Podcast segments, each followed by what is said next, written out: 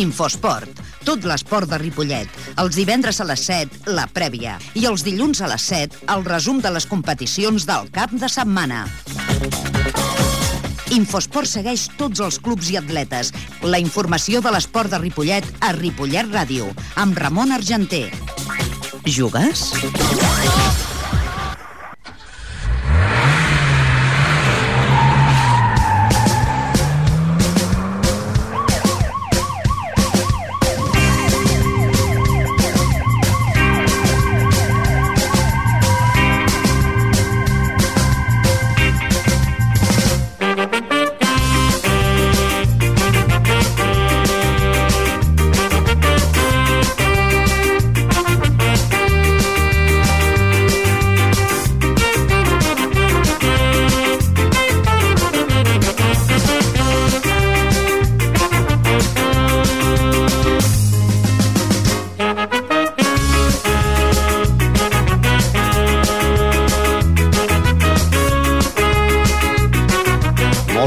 Molt bona tarda, estem a la sintonia 91.3 de l'FM comencem ja el programa d'Infosport, les vies de Sofran Lledó i que us parla Ramon Argenter. Estem ja, podríem dir, eh, ens queden... Tre... Si féssim la mili, diria ens queden tres dianes.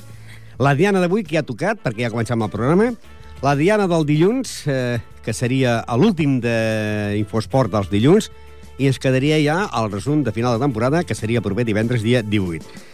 L'acte principal d'aquest cap de setmana és que ja s'ha acabat la competició, tot el que hi hagi ara ja són partits que facin amistosos, tampoc hi haurà fases per pujar de categoria, tot el que es fa serà partit d'amistosos, de combinament de temporada i de cara a la propera temporada. I el més important serà doncs, que aquest dilluns farem l'entrega de premis d'Infosport, a la qual repartirem doncs, 29 trofeus.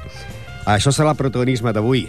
Recordar també que, per exemple, es continua fent aquesta setmana esportiva que fa el Club de Futbol Ripollet i que durant el dissabte i el diumenge, va començar ja el dia dissabte passat i diumenge passat, i que aquest dissabte, dia 12, doncs encara hi haurà a partir de les 9.30 del matí eh, els partits que podran veure entre l'Escola Futbol Sabadell, la de Fut i el Ripollet, eh, la categoria Levi A, que hi haurà torneig també de la categoria Levi B, categoria Cadet B, això serà a la tarda a partir de les, un quart de cinc entre la de Fut i el Ripollet i el Cercle Sabadellès, i també el diumenge a partir de les 9 del matí a la categoria infantil equips com el Vilassar de Mar, el Lliçà d'Amunt, el Club de Futbol Ripollet, a la categoria juvenil un partit entre el Ripollet i el Cercle Sabadellès, i finalment, a partir de dos quarts de cinc de la tarda del diumenge, eh, un torneig de, de categoria cadet A entre el Vilassar de Mar i el Lliçà d'Amunt que són, i així ens exclaurà, exclaurà podríem dir, aquesta eh, edició número 30 de la setmana esportiva del Club de Futbol Ripollet, que ja sabeu que també està preparant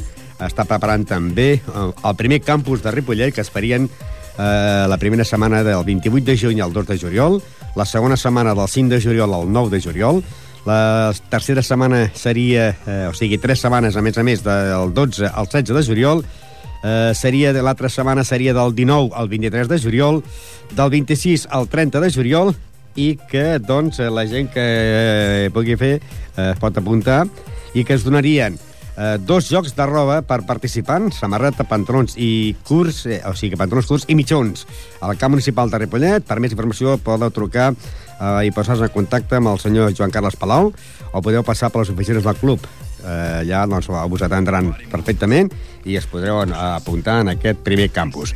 I ara, doncs, parlant del Club de Futbol Ripollet, mm, aquesta setmana el protagonisme és precisament precisament és l'entrega de prèmits. L'entrega de prèmits per uns equips ha sigut més fàcil, pels altres no tan fàcil, eh, perquè per primera vegada a la història s'ha hagut d'aplicar el reglament interior, perquè hi ha hagut empats en el futbol sala femení, a l'equip de Divisió de Plata, i en el futbol i en el, el tenis taula femení també, amb diverses jugadores. Però el que, per exemple, per exemple, doncs, no va tenir problemes des del primer dia va ser el màxim golejador del club de futbol Ripollet, que ha sigut pel jugador Cristóbal, que s'emportarà el trofeig d'Infosport perquè ha marcat 26 gols i, a més a més, és el jugador que dels dos grups de la preferent també ha sigut el, empatat encara amb el jugador, un altre jugador que és del Bollerussa, ha sigut eh, el Polido, doncs ha empatat, però ell ha marcat menys gols de penal. Precisament hem recordat les paraules del seu entrenador Jordi Muñoz, que diu que, és clar que amb aquests gols eh, que al Cristóbal li han sortit moltes nòvies. Està clar que que amb aquests gols el Cristóbal segurament no el tindrem l'any que ve. És el que t'estava dient, que Serena, a, ser, a més a més, un dels primers de la, de, de la preferent, pot ser que tindrà, li sortiran moltes nòvies, no? I tant, i tant. Ja li han sortit equips d'estar de tercera divisió i amb això el Ripollet crec que no pot lluitar. I era un jugador que estava en el Rubí, no? I el Rubí se'l va treure, oi? No, no se'l va treure, no. Aquest jugador el volia fitxar jo l'any passat, sí. Sí. del Pomar, de primer regional. Però per unes tonteries pues, se'n va anar al Rubí, el Rubí només va jugar molt poquet, i jo aquest any el vaig tornar a cridar i, i va vindre.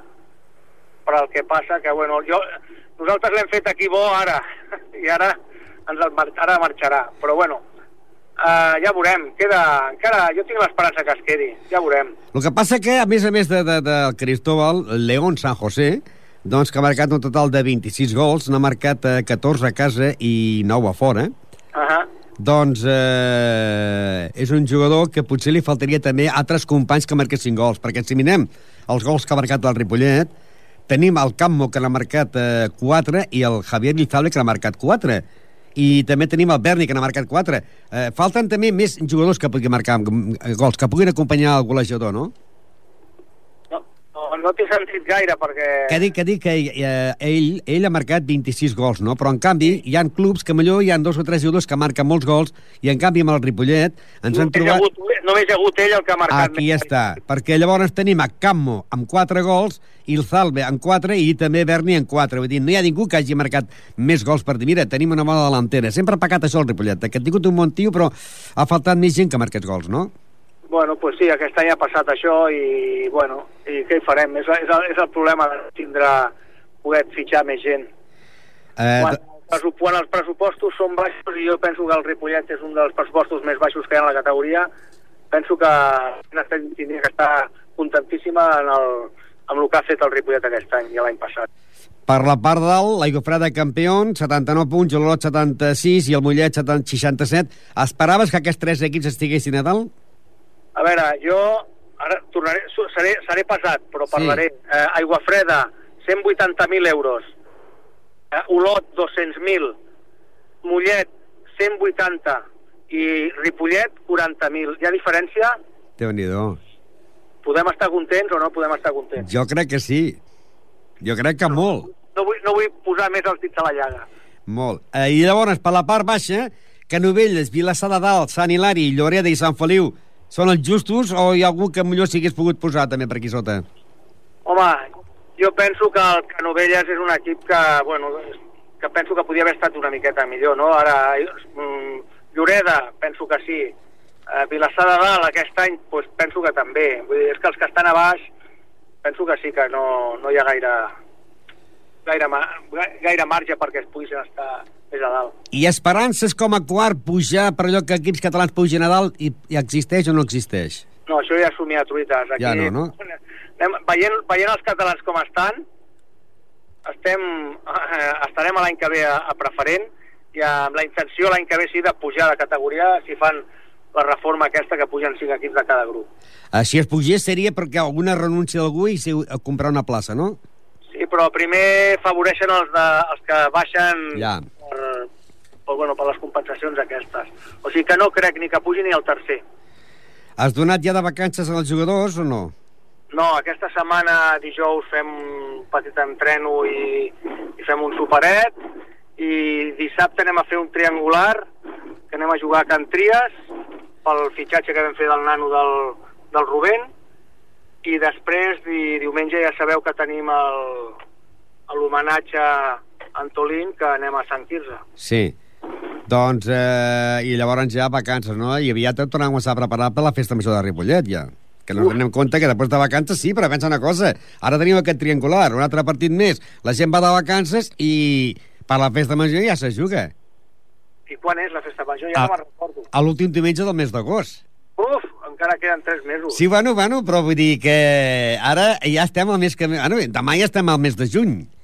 Uns quants partits eh, campionats, tot el juliol vacances i començar a preparar ja els partits de festa major. La plantilla, començar a treballar de nou ja, no? Ho trobo que hi ha massa, massa temps per descansar. Penso que tindríem que començar abans. Futbol, futbol. Les paraules que manteníem doncs, ja fa una setmana amb el senyor Jordi Muñoz, que és l'entrenador del Club de Futbol Ripollet. I anem a un altre entrenador, En aquest cas, Javi Varela. Per què? Perquè també parlàvem de... El, ara hem parlat del màxim golejador del Ripollet, Cristóbal, no? que li sortiran moltes nòvies, i de moment qui li ha sortit nòvies a l'entrenador de la penya de Partida Bajaril, perquè deixa l'entitat. Uh, hi ha hagut una lluita en aquesta categoria per aconseguir doncs, el trofeig d'Infosport, perquè, atenció, uh, si al Ripollet només teníem que quatre jugadors havien marcat gols, ah, no, ha marcat més gols, no? Però em refereixo que Cristóbal León ha marcat 26 gols i la resta, Canmo amb 4, eh, Ilzalbe amb 4 i Berni amb 4. Pel que fa a la penya portiva Pajaril, atenció, eh, Pere Los Santos, 12 gols, Dani Escalera, 12 gols, Ismael Chamón, 13 gols, i el màxim anotador, o sigui, el màxim golejador, ha sigut Claudio Pérez. La lluita estava entre entre eh, tots aquests tres jugadors i en els últims partits Claudio Pérez s'ha posat amb 15 gols i és el que rebrà el dilluns el trofeig de màxim golejador de la penya deportiva Pajaril. I també li preguntàvem a l'entrenador doncs, que l'equip s'haurà de reforçar. Eh, L'equip s'ha de reforçar, segurament hi haurà 8 o 9 diferències d'aquest any envers l'any passat, no? I, i bueno, i segurament i segurament també hauré de dir, de dir adeu. Sí? Sí, possiblement, sí. Que, mm, no continues per tu o per la Junta? No, no, no, no, no, no. Tinc una oferta d'un equip de superior categoria i, bueno, l'he acceptat i, en fi, continuarem treballant pel club. Sí, que és primícia. Però- Es pot dir el nom ja o no? No, Eh, no, el míster encara l'estem buscant. sí. No, no però dic, cosa- dic el teu, Ah, el, el teu sí, futur sí, equip. el, Sing- el Singerling. Coi, Sí. bé, bé. Doncs, eh, l'únic- bueno, el que sí podràs estar serà, com a mínim, com a acompanyament, serà el dia 14 a l'entrega de prèmits, no? Sí, home, i tant, no, no, i a més a més jo continuaré treballant pel club igualment, un club d'aquí de la casa, jo sóc de la casa i treballaré per la casa, i, però bueno, igualment ara en deuré un altre club de cara a entrenar, no? I estàvem dient no fa gaires dies que és l'únic equip del poble de futbol que, menys els porters, han marcat tots els jugadors han marcat gols. Sí, és curiós, eh? És curiós, però bueno, aquí també veu una mica el treball i la dinàmica del grup, no? De, de saber que aquí jugava tothom i tothom ha tingut la seva oportunitat i a més a més l'estil de joc que teníem no? que també portava això a que, a que qualsevol de l'equip podia fer un gol no necessàriament havíem de dependre del davanter o, o de qualsevol extrem no? és a dir, qualsevol partit podia ser un defensa que un mig que el davanter qui sigui podia fer un gol en qualsevol moment i aquesta és la gràcia d'aquest equip no? i de fet mm, també penso que es nota una mica aquesta unió precisament per això, no? Mm, hi havia jugadors que a final de temporada, faltant dos partits, encara no havien marcat i s'ha pitat aquest, pina, aquest penal, aquest, aquesta falta que ha sigut molt perillosa i les han llançat aquests jugadors que no havien marcat perquè fossin a, a fer el seu gol, no? I que tinguessin un gol com, com tothom i bueno, sí, ha sigut una temporada molt maca, molt maca. I parlant de gols, em va estranyar que l'especialista en penals, eh, Panyos, que no tirés cap penal a la tanda de penals. no, va, no va voler. No? no va voler. Va dir que, que no s'atrevia, que no... Com que havia fallat els dos últims penals, no? I, i hòstia, estava una miqueta així com acollonit, i va dir que no, no el volia llançar, no el volia llançar, i bueno, tranquil, no passa res, llançarà un altre i que passi el que Déu vulgui, no? Ja està. I no va voler, igual que Dani tampoc, em va córrer molt el Dani, estava molt cansat i també em va dir que, que, bueno, que també psicològicament no estava per llançar un penal, i, i bueno, per a partir d'aquí és igual. Eh, no, li, no li hem de fer comptes al, al que ha fallat el penal, no? Eh, el falla només que el, el, que, Clar, el, que el tira. el que el tira falla. Sí, sí, així de clar, o sigui, eh, xapó per als nanos que van fallar, que ho van intentar i ja està, i no han de, no han de treure conclusió negativa ni, ni res. I abans parlàvem doncs, amb l'entrenador del Ripollet que el jugador Cristóbal ha marcat 26 gols i el segon màxim golejador del Ripollet ha, ha sigut un, un defensa amb 4 gols. En canvi, aquí tenim que fins a l'última jornada lluitaven pel el trofeig Pere Los Santos amb 12 gols, Dani Escalera amb 12 gols, Ismael eh, Chamon amb 13 i finalment els dos últims gols que ha marcat Claudio s'ha col·locat en 15, per tant el trofeig pel Claudio. Exactament, és, és el que diem, no? O sigui, penso que, a veure, el Ripollet ha fet una, una grandíssima temporada, no? Eh, però clar, aquí es demostra una mica de que si aquest davanter a lo millor no estigués bé de cara a porteria, a lo millor no, no haguessin aconseguit aquest joc no? que, han, que, han, que han acabat, eh, perquè és complicat, clar, demanant només que clar, el segon golejador porta quatre gols i a més a més és un defensa. Aleshores es veu que hi ha una, una, una, una decadència no? per, per buscar aquest davanter. En canvi, a nosaltres és, ha sigut diferent. Eh, si l'Ismael, per lo que fos, no, no estava al partit, marcava Dani. Si Dani no hi és, marca Claudio. Si Claudio no hi és, marca el Pere. Si no, marca el Ramon. Si no, marca el Diego. I sempre, sempre hem marcat en tots els partits. Diego n'ha marcat 6, precisament. Sí, sí, per això, o sigui... Ramon, les Ramon en 5, eh, Roger en 5, llavors. Italo en 4, eh? Això, a, aquests són mitjos, o sigui, Sí, sí. Eh, si, si només amb tres mitjos ja s'ha ja aconseguit de fer 15 gols, amb tres jugadors del mig, eh, clar, això vol dir alguna cosa, no? I, clar, nosaltres no teníem dependència, com que tothom sabia el que volíem i tothom sabia eh, el, el, el que tenia que fer al camp, tothom, mm, tothom donava al 100%, i a partir d'aquí tothom marca, ja està, i no, no, no busquem, no tenim un referent en atac. Aquí tothom ha de marcar. Doncs n'ha marcat bueno. total 60, 60 a casa, 39 a fora, 99 gols, 35 en contra, i màxim realitzador, Claudio Pérez, amb 15 gols que rebrà el dilluns que ve, aquest no l'altre, el dia 14, a partir de les de la tarda del trofeig Infosport, que és la sisena edició ja. Sí, sí, no, per això et dic que és, són uns números molt, molt competitius, no? Per ser campió no és fàcil, i menys, i menys en, en aquest grup que estàvem nosaltres, no? No és fàcil, és un grup en què tu quedes campió, eh, li treus 7 punts al segon, que, que és una llagosta, eh, 10 al tercer i 15 al quart, eh, acabes com a màxim, bueno, segon màxim golejador, acabes com segon menys golejat, eh, acabes com el... No, perdó, el millor menys golejat, acabes el millor equip a fora, el millor equip a casa, són números d'una gran temporada, no? De, de, de, que demostra que amb 25 jugadors que hi érem hem acabat 23. Uh -huh. 23 en tot l'any i això demostra que bueno, l'equip està bonit i l'equip tenia el mateix objectiu que era pujar de categoria, treballar venir als entrenaments que eren molt importants i a partir d'aquí anar guanyant, anar guanyant aquests números, bueno, són, penso que són una miqueta d'elevar, no?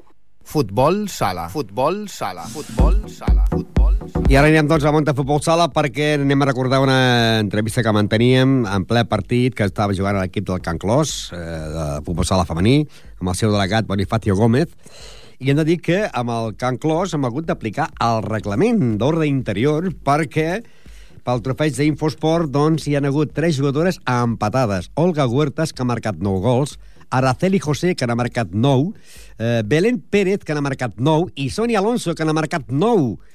Eh, què passa? Hi ha un reglament que diem, doncs, de que en cas d'empat entre un jugador o una jugadora del mateix club, se n'entregarà el trofeig d'Infosport aquell que hagi marcat més gols en penal, de penal. En cas d'empat amb els penals, aquell que hagi marcat més gols a camp contrari. Doncs bé, Uh, Olga Huertas ha marcat 9 gols, 7 a casa i 2 a fora. Araceli José n'ha marcat 9, 6 a casa, 3 a fora. Belén Pérez ha marcat 9, 6 a 3, 6 a casa i 3 a fora. I uh, la que rebrà el trofeig, Sonia Alonso, ha marcat 4 gols a casa, 5 a fora. Per aquesta diferència... I a més a més és la jugadora que per motius de feina professional és enfermera, doncs eh, molts partits no els ha pogut jugar i és la que ha aconseguit igualar. Doncs eh, Sonia Alonso eh, eh, serà la que guanyarà el trofeig de... Info... Bueno, serà, no?, la que li entregarem el trofeig d'Infosport. Anem a recordar les paraules amb el delegat de Bonifacio Gómez, que no estava segur, que deia que li faltava una jornada i no, la jornada ja es havia acabat.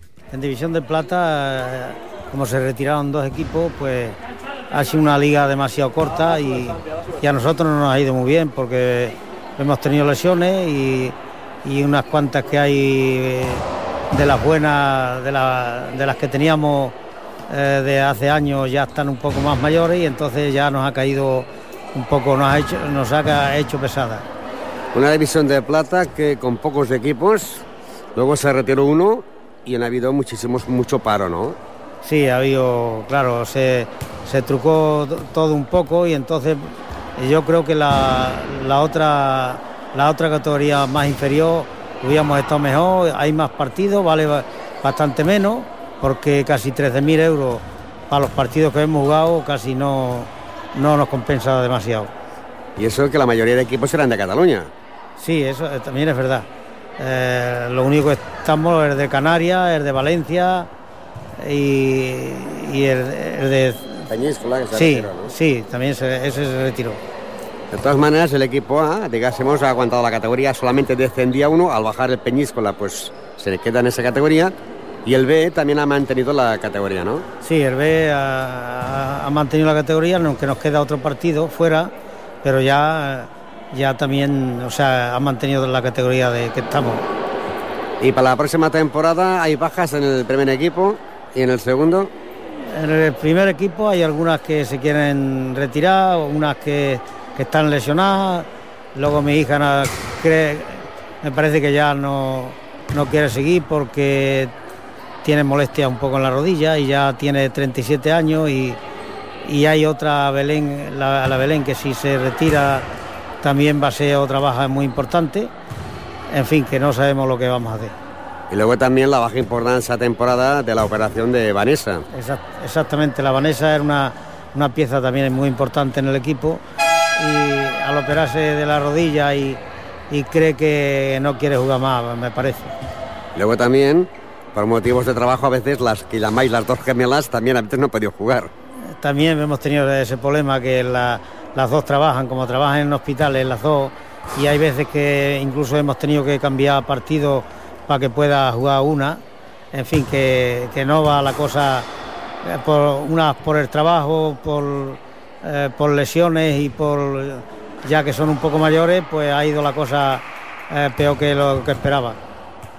Estaba hablando con María Ángeles eh, y decía que queréis preparar un torneo para el día 12 de, de junio, ¿no?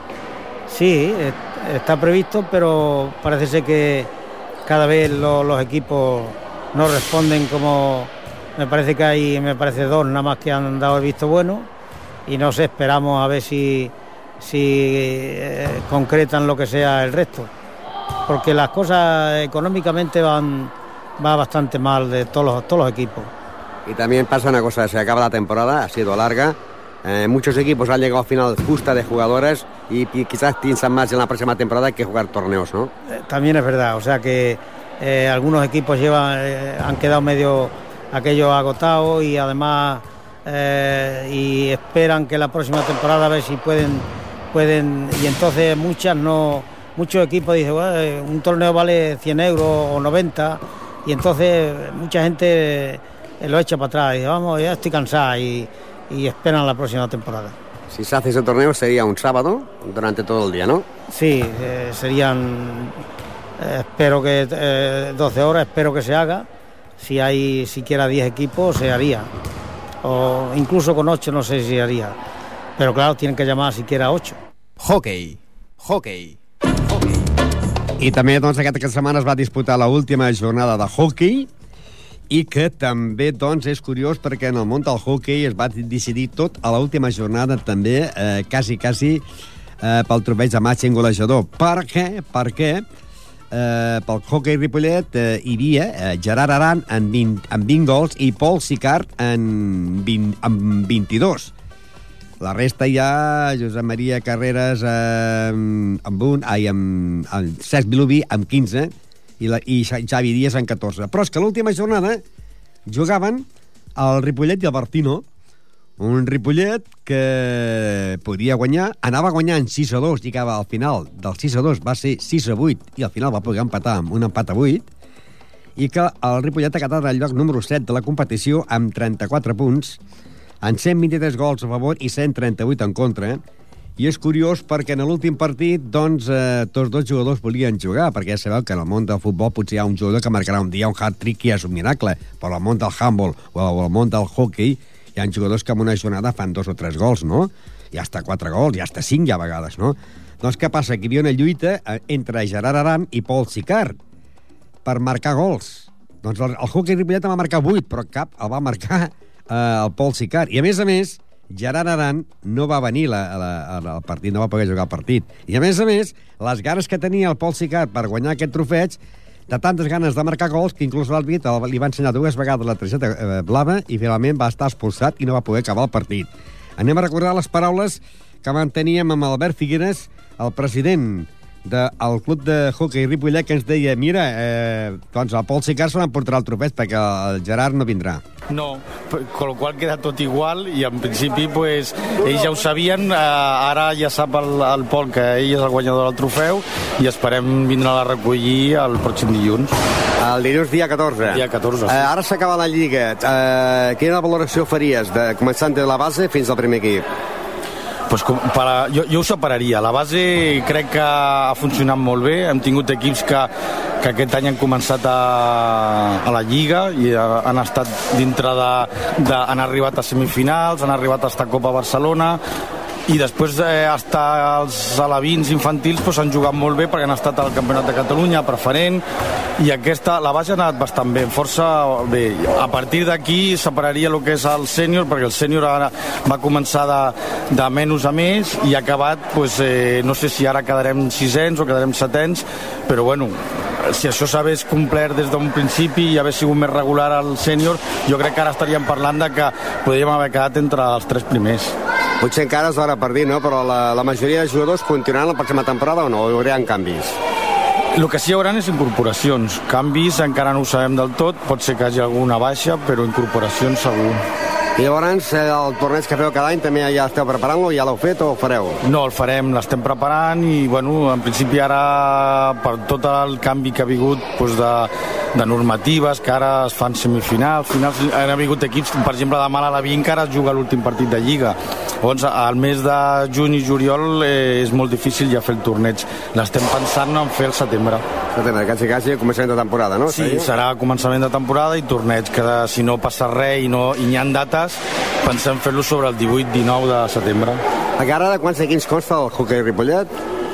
Pues de la base arribem fins a, fins a l'infantil i, i llavors tenim el sènior, tenim també dos veteranos, però tenim dos per categoria, amb la qual estem parlant de ben bé, pues, no sé, amb els sèniors, veteranos i tot, de 12 equips. Potser faltaria el que dic, semblaria un equip juvenil, no? Sí, ara ja ens falta el juvenil i de fet ho estem provant i ho estem mirant, però bueno, eh, sempre costa això. Costa. I quan al hockey femení hockey femení ens costa molt, no sé per què, i ara aquest any s'ha posat molt de moda, bueno, molt de moda.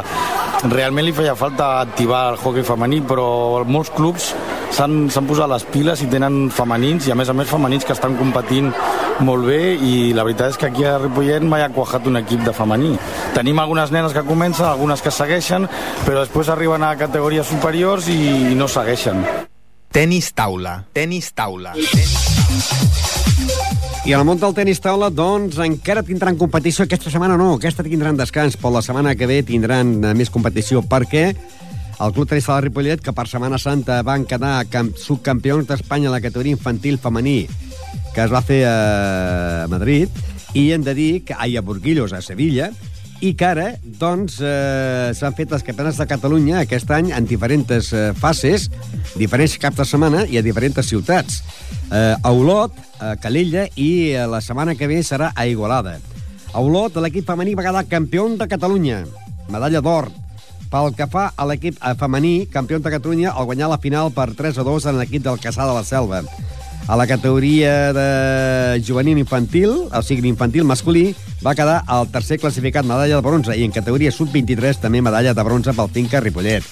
A llavors, a Calella es van disputar també els campionats de Catalunya a l'Evi femení, eh, i va quedar a l'Aleví femení campió de Catalunya obtenint la medalla d'or després de guanyar 3 a 0 en el Bàscara de Girona.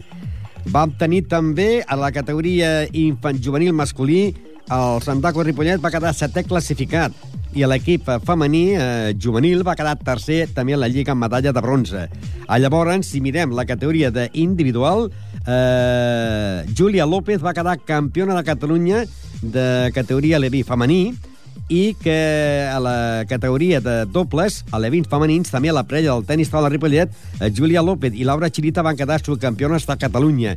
I pel que fa a la categoria de dobles a l'Evins mixtos, també hem de dir que medalla de plata per als jugadors eh, Júlia López i Nil Camacho. I finalment, hem de dir que també medalla de plata per la categoria dobles juvenils masculins que entre Jordi Jasso Ramon, ai, Ramos i Raül Porta, que van quedar medalla de plata a la categoria de juvenil masculí. I també medalla de bronze a les dobles juvenils femenins, amb Berta López i eh, Meritxell Ferret. I hem de dir que ara el proper campionat serà, si n'hi ha res de nou, a Igualada. Serà el 19, dia 19 i 20 de juny. I l'equip del tenis Taula Ripollet també estarà present allà a Igualada.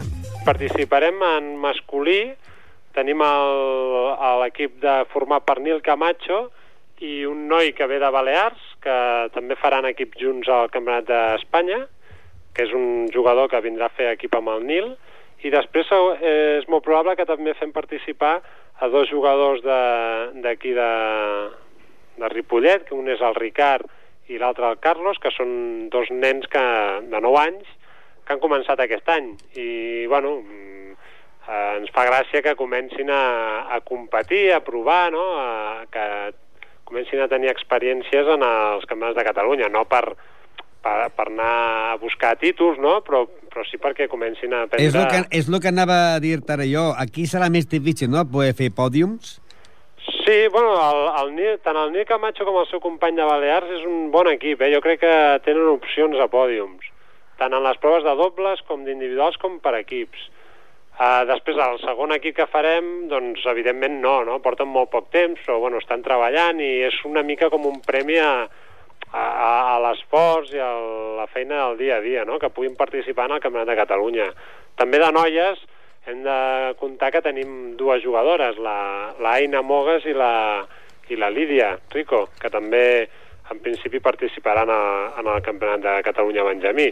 És en el mateix cas que, que el Ricard i el Carlos, no? que porten un any eh, aquí al club jugant, amb, tenen 9 anys, i bueno, una mica perquè comencin a ambientar-se el que són les competicions i, i puguin anar participant. Una vegada s'hagin acabat ja aquest dia 19 i 20 aquests campionats que es faran a Igualada, eh, s'ha acabat la competició o encara queden més campionats? Queden un parell més de campionats. Uh, també hem de dir que aquest cap de setmana... Uh, De Catalunya o d'Espanya? Bueno, queden campionats d'Espanya. Uh, del 22 al 27 de juny hi ha el campionat de d'Espanya en edat cadet, que, que es fa per autonomies, i tenim uh, a la Júlia López i a la Berta López en, a la selecció per anar als campionats de- d'Espanya, cadet, i després també tenim els campionats d'Espanya alevins i benjamins, que ens anirem a Vilés a final de mes. Déu-n'hi-do, no? És la recta final, eh, ja queda poc, eh, s'ha d'intentar a veure què passa en aquests últims tornejos, i també recordar que la Berta López aquest cap de setmana se'n va a Luxemburg, on la selecció catalana, eh, en un torneig eh, internacional.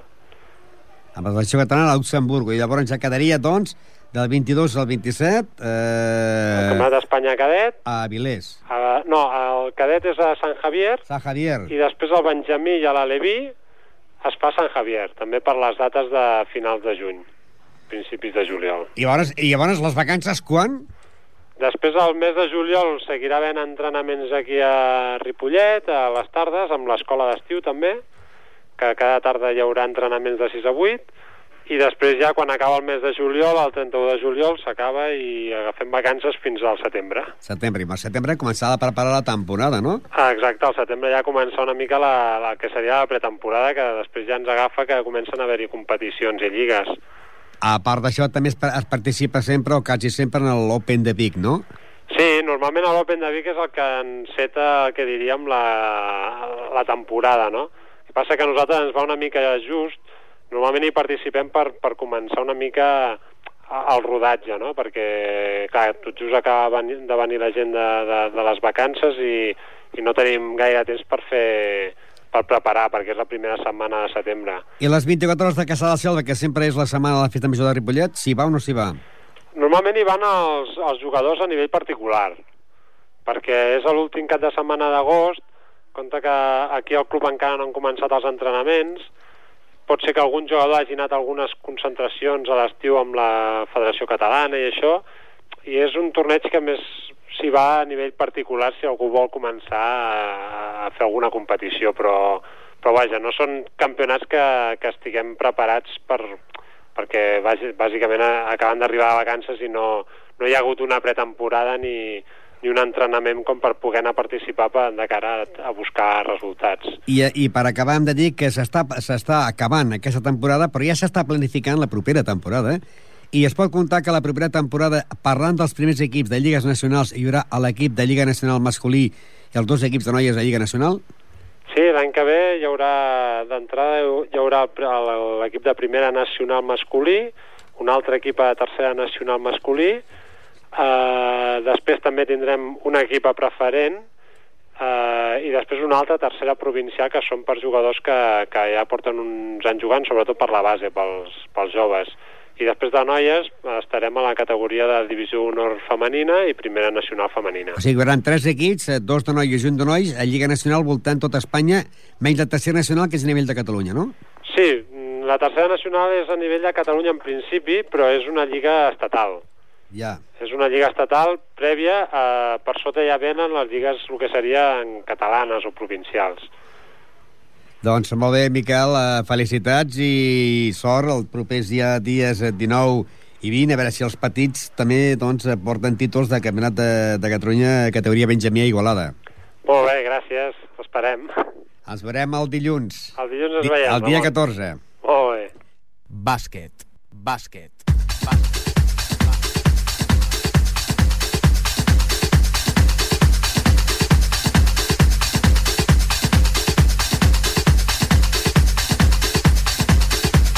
Doncs bé, sentit les paraules de Miquel Arnau i llavors també farem hem de dir que ja que estem parlant del tenis taula, que acabaran el trofeig doncs, eh, Mijaela Chirita, Meritxell Ferret i Miquel Arnau. I en aquí, amb l'equip de Primera Nacional Femenina, hem hagut també d'aplicar aplicar el reglament, perquè Ani Banyes eh, ha obtingut 14 punts, Laura Chirita, ai, eh, Meritxell Ferret 14 i Júlia López 13. I com que Meritxell Ferret ha, ha guanyat més punts a camp en pista contrària que a casa, eh, doncs més que Ani Banyes, doncs s'emportarà el trofeig Meritxell Ferret amb 14 punts. Ara anem a recordar el món del bàsquet, el món del bàsquet que el Club Bàsquet de la Bellgasó també tindrà protagonistes, però aquesta entrevista la manteníem amb Albert Samper eh, un parell de jornades abans abans de que juguessin l'última jornada que no la van jugar, que no la van jugar, i que deien que seria difícil quedar primers i que segurament doncs, mantindrien aquesta segona posició a la que acabarien, a la que van acabar, a la segona posició amb 52 punts, rehusant inclús a la fase descens i que el lluita pel trofeig estava molt disputat. Sí, queden amb aquest quatre partits i la veritat és que ja han passat tots els equips de dalt i ja ens queden els últims classificats de, de la Lliga. Tota la Lliga anant primers i ara 9 segons. Sí, doncs la veritat és que al final de, a mitjans de la, de la temporada, que és quan ens va tocar jugar contra els primers equips classificats, doncs eh, vam tindre moltes baixes, ens, hem, anat a jugar durant 8-7 jugadors, contra Gasol hem acabat jugant 4, eh, tenim equips... I va guanyar. I vam guanyar, sí, a la pròrroga, va ser un partit increïble, no? Però tenim pocs jugadors, eh, els jugadors estan lesionats o tenen oposicions o al final a que s'acaba la temporada i crec que està fent una mica massa llarga. O sigui que ho teniu difícil per quedar campions o no? Sí, molt difícil. Sí, perquè estem a un partit del, del primer classificat i el primer ja juga contra els equips que estan per dalt, així que segons classificats segur. Però fareu fase per pujar, diguéssim, no? O primer i segon? Sí, el primer i segon fan fases, de totes maneres no creiem... Bueno, com cada any no pujarem, més que res pel gasto que això comporta i perquè requereix més, més temps de dedicació i ja amb una categoria tan baixa com la que estem no, no ens hi dediquem. Per tant, serà, bueno, si anem als campions de Catalunya o de Barcelona o els que es facin, no anirem i ja està, ja per acabar la temporada. I com estava pel tropeig eh, d'Infosport que fan cada final de temporada? Qui pot ser aquest any el màxim, o aquesta temporada, el màxim eh, anotador? Doncs la veritat és que no, no, no sé gaire bé, però sí que està entre el Sergi Martín, el Moisès i, i jo, i bueno, els detalls estan apuntats en un Excel que tenim. Bueno, que sou, que sou els tres que heu, tingut el trofeig. Tu diverses vegades seguides, el Martín l'any passat i el Moi també. Sí, bueno, mm, la, bé, no, no sé, eh, som els, els que al final acabem definint dins de la, la cistella, però bueno, això és un, un esport d'equip, no?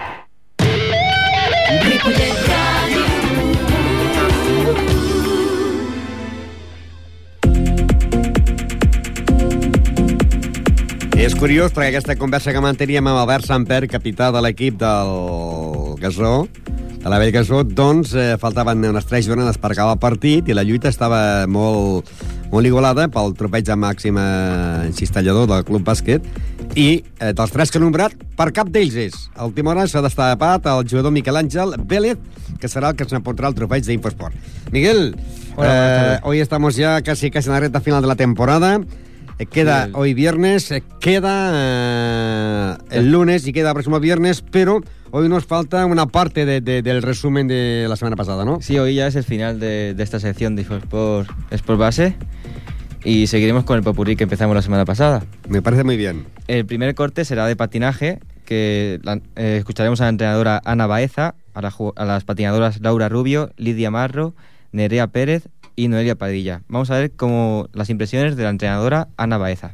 ¿Qué te gustaba más, ser entrenadora o patinadora? Las dos cosas, cada una, cada cosa tiene su parte buena. ¿Qué tiene de bueno ser entrenadora? Pues ves el fruto de tu trabajo y a veces ves la ilusión que tú no has podido conseguir o ves niñas más pequeñas que están haciendo lo mismo que tú. Cuando yo tenía 10 años, ellas tienen 6. ¿Cuál es vuestro sueño en el patinaje? Llegar, llegar al de España. Pasar todas las categorías y quedar primera. ¿Y tu sueño en el patinaje cuál sería? Llegar al de España. ¿Crees que lo conseguirás? No sé, si trabajo sí.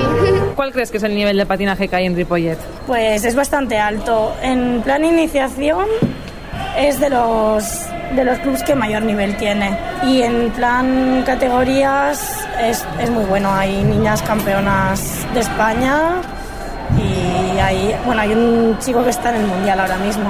¿Y qué, qué pensáis de la entrenadora? Bien, me enseña mucho y aprendo. Que aprendo mucho con ella. Y para acabar, ¿qué le dirías a las niñas para que se apuntaran a patinaje? No sé, es un deporte muy divertido, pero que tienen que tener una buena disciplina y, y muchas ganas de aprender. Porque no, no es fácil, te caes y, y duele. Bueno, ahora escucharemos el hockey, que recordamos que fue un partido donde hubo muchos nervios, tanto en, la, tanto en el campo como en la grada, entre los padres. Eh, los que escucharemos son José Espósito, Martín Pérez y eh, Ibai Rubies. Explícanos un poco tu trayectoria así en el hockey desde que empezaste con cuatro años hasta ahora. He mejorado muchísimo, sobre todo cuando era muy pequeño era bastante malo, pero ahora ya soy más bueno. He mejorado mucho. Sobre todo este año, este año es el que he mejorado. ¿En qué competiciones has, participado?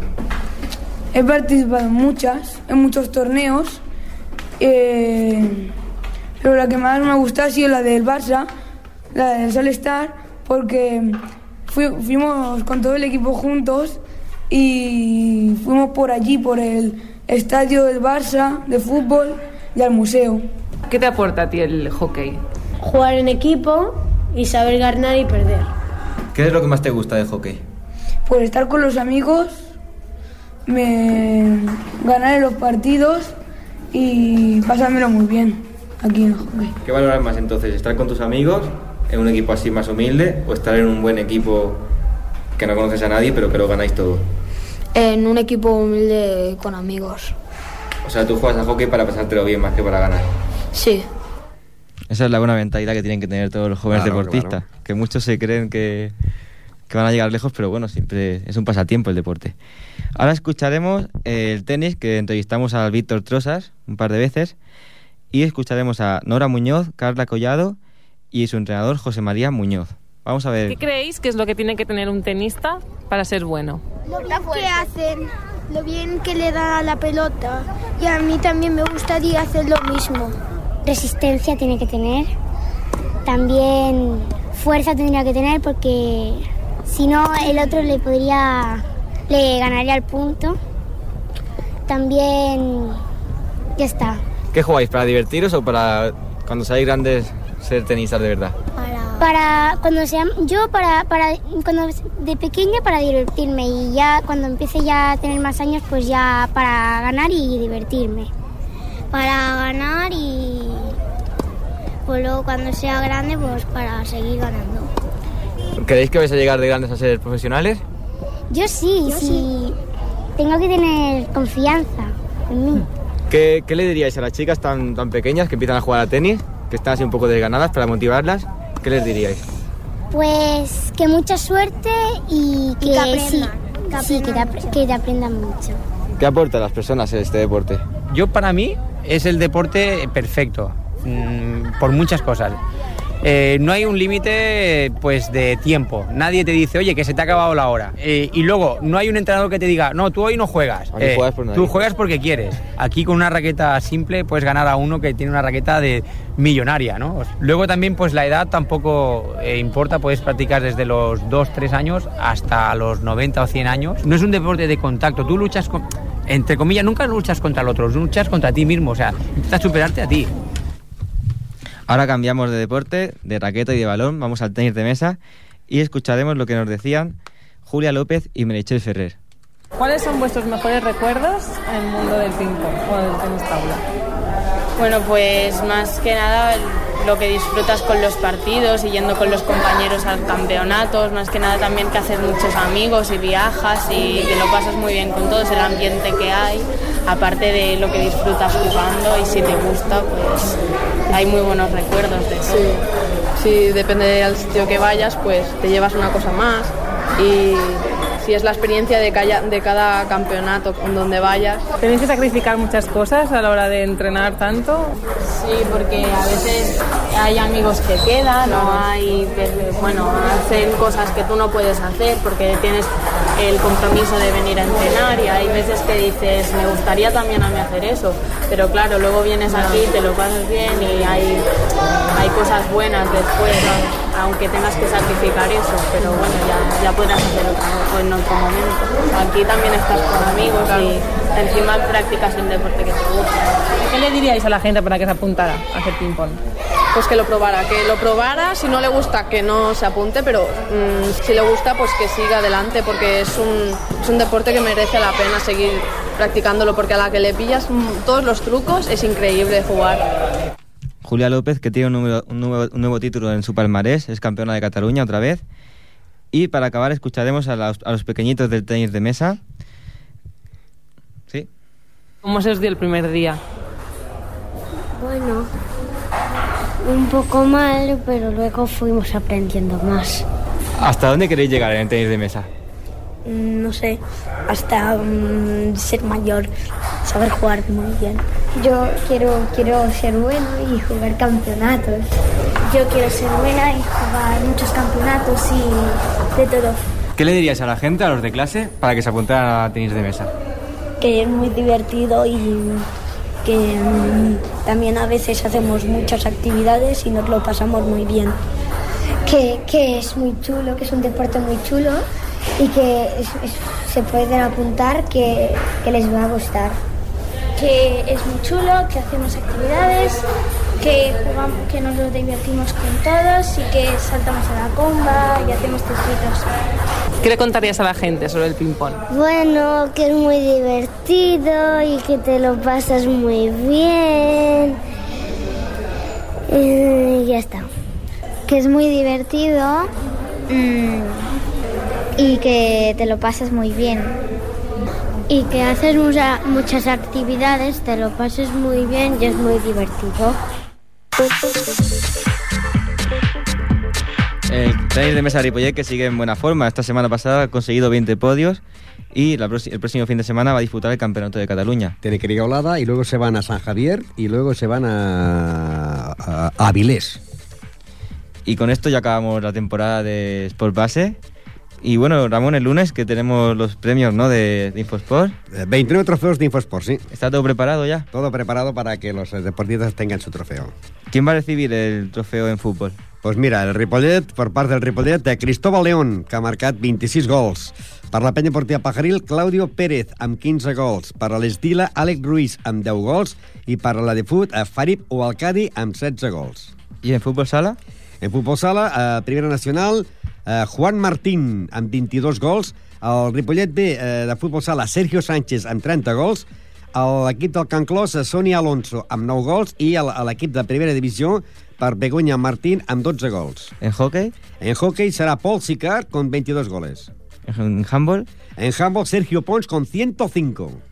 ¿En baloncesto? En baloncesto, primer equipo, eh, Lliçar Termes, 325, i pel Ripollet B, Sergi Marín, 311, pel la Vell Gasó, Miquel Àngel Vélez, en 462, pel Gasó Caixa Girona, José Manuel López, més conegut amb el nom de Coque, en 474, i pel femení Ripollet de bàsquet, Montse Prieto, amb 292. ¿A tenis taula? Amb el tenis taula, divisió d'honor femenina, Micaela Chirita amb 23 punts. A la primera divisió nacional, Meritxell Ferret en 14, empatada també amb Anna i Júlia. Les dues empataren, però eh, el premi és per a Meritxell Ferret. I en quant a, a la primera divisió masculina, per a Miquel Arnau amb 33 punts. En tenis? En tenis, Alex Moya con 6 puntos. Estan parlant de l'equip de categoria absoluta. A la categoria de sènior més de 30 anys, Ivan Parlejo amb 5. Pel que fa a la categoria de més de 40 anys, pel Club Tenis Ripollet, Manolo Pérez, i pel Club Víctor Trosses, a la categoria absoluta, David Muñoz. Luego, aparte, tenemos unos premios especiales de atletismo, patinaje, boxeo, Sí, i- ciclismo y ajedrez. I aquests premis especials, lògicament, com que aquests no marquen gols ni fan punts, doncs mirem, en el cas de l'atletisme, aquelles persones que estan en millor, eh, no forma física, sinó que hagin aconseguit més pòdiums amb l'acabada temporada. Tenint en compte que el patinatge artístic i l'atletisme són, anti, eh, són eh, esports que pràcticament ara comencen les temporades. Ara es pot dir, ara Sí, venen els campionats, no?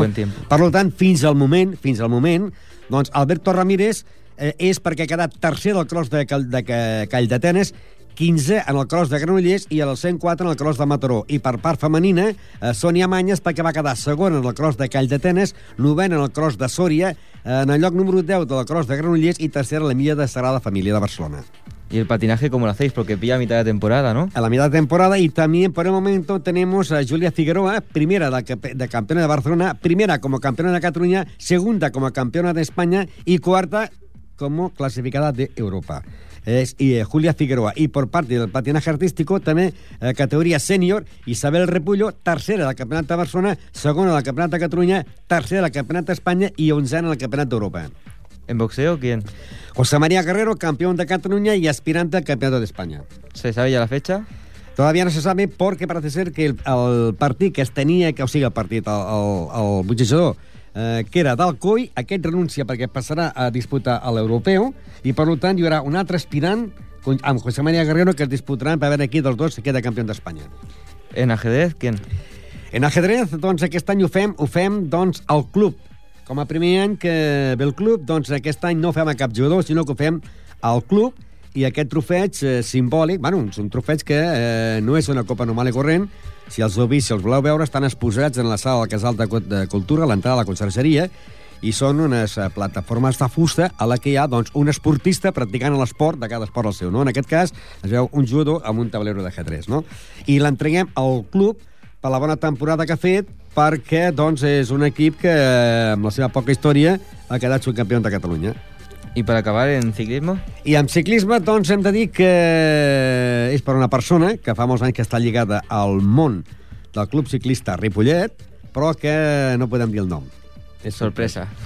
Enhorabuena a todos. Doncs seran 27 i llavors això ho podreu, a la gent que vulgui veure el, el repartiment de prèmits i veure els esportistes que haureu, haureu sentit mil vegades aquí a través del 91.3 de l'FM, podeu venir el dissabte, es, perdó, el dilluns, a les 7 de la tarda ho farem en directe des de la sala d'actes del Casal de Cultura. Eh, hi haurà un projector, eh, així que entreu, veureu la, tots els esportistes que estaran allà sentats, hi haurà un projector i mentre es vagi parlant eh, una miqueta d'història de cada entitat, començarem per l'ordre. Serà el mateix ordre que han fet ara, no? Però eh, parlarem una miqueta del Ripollet, de l'entrenador, de, de, del president, de, de, de, els punts que no ha obtingut a la, les classificacions i tot això, i mentre es vagi parlant del Ripollet sortiran al projector fotografies de partits disputats pel Ripollet. Quan es parli del Pajaril, doncs del Pajaril, quan es parli de l'Efut, de l'Efut, i així esport per esport. I s'acabarà, doncs, amb l'entrega a l'equip del Club d'Escaig, eh, perquè és l'últim equip que s'ha incorporat en el trofeig d'Infosport. En total, eh, 29. O sigui que podreu venir a la sala d'actes, podreu veure els esportistes, podreu veure fotografies i la millor us veieu vosaltres, perquè lògicament si esteu com a públic en algun camp d'aquests, fotreu les fotografies del projector. Ahí estaremos entrevistando a los premiados. Pues serà el dilluns a les 7 de la tarda començarem i a més a més el que no pugui venir perquè eh, per els motius de feina doncs si sintonitzeu el 91.3 de l'FM Ripollet Ràdio sentireu aquest programa en directe però si voleu veure l'ambient dels esportistes i els trofeus, doncs podeu venir a la sala d'actes del Casal de Cultura. Dilluns de 7 a 8. A llavors ens quedarà un, un programa, que serà el del divendres. El divendres serà l'últim programa de la temporada d'Infosport i farem un resum final amb talls eh, del nostre company Miquel, que farà, doncs, entre, entrevistarà eh, esportistes que rebin el trofeig i el divendres seria un resum no de, la, de club per club, per dir exactament ja on ha quedat finalitzat, i els protagonistes que tinguem d'aquest trofeig. I recordeu que aquest cap de setmana, aquest cap de setmana, continua havent-hi entre demà dissabte i el diumenge la setmana esportiva que fa el Club de Futbol Ripollet, hi ha un partit amistós que jugarà la penya partida Pajaril contra l'equip del Parc, i que eh, la festa de l'esport, si no plou, que es farà en el, en el, en el poliesportiu que organitza el Patronat Municipal d'Esports de Ripollet i el dilluns tindrem l'entrega de prèmits a partir de les 7 tarda. Miguel, eh, nos vemos el, el, El lunes. lunes. Sí, ahí estaremos. A les vies de so, Fran Lledó, ens tira petons, el Fran Lledó, encara no ens despedim perquè ens queda un dia. Et dic que la Norma es va despedir l'altre dia i la temporada que ve per motius de feina professional no podrà estar aquí amb nosaltres i que posarem punt i final i que tingueu un bon cap de setmana. Adéu-siau i bona tarda. Adéu.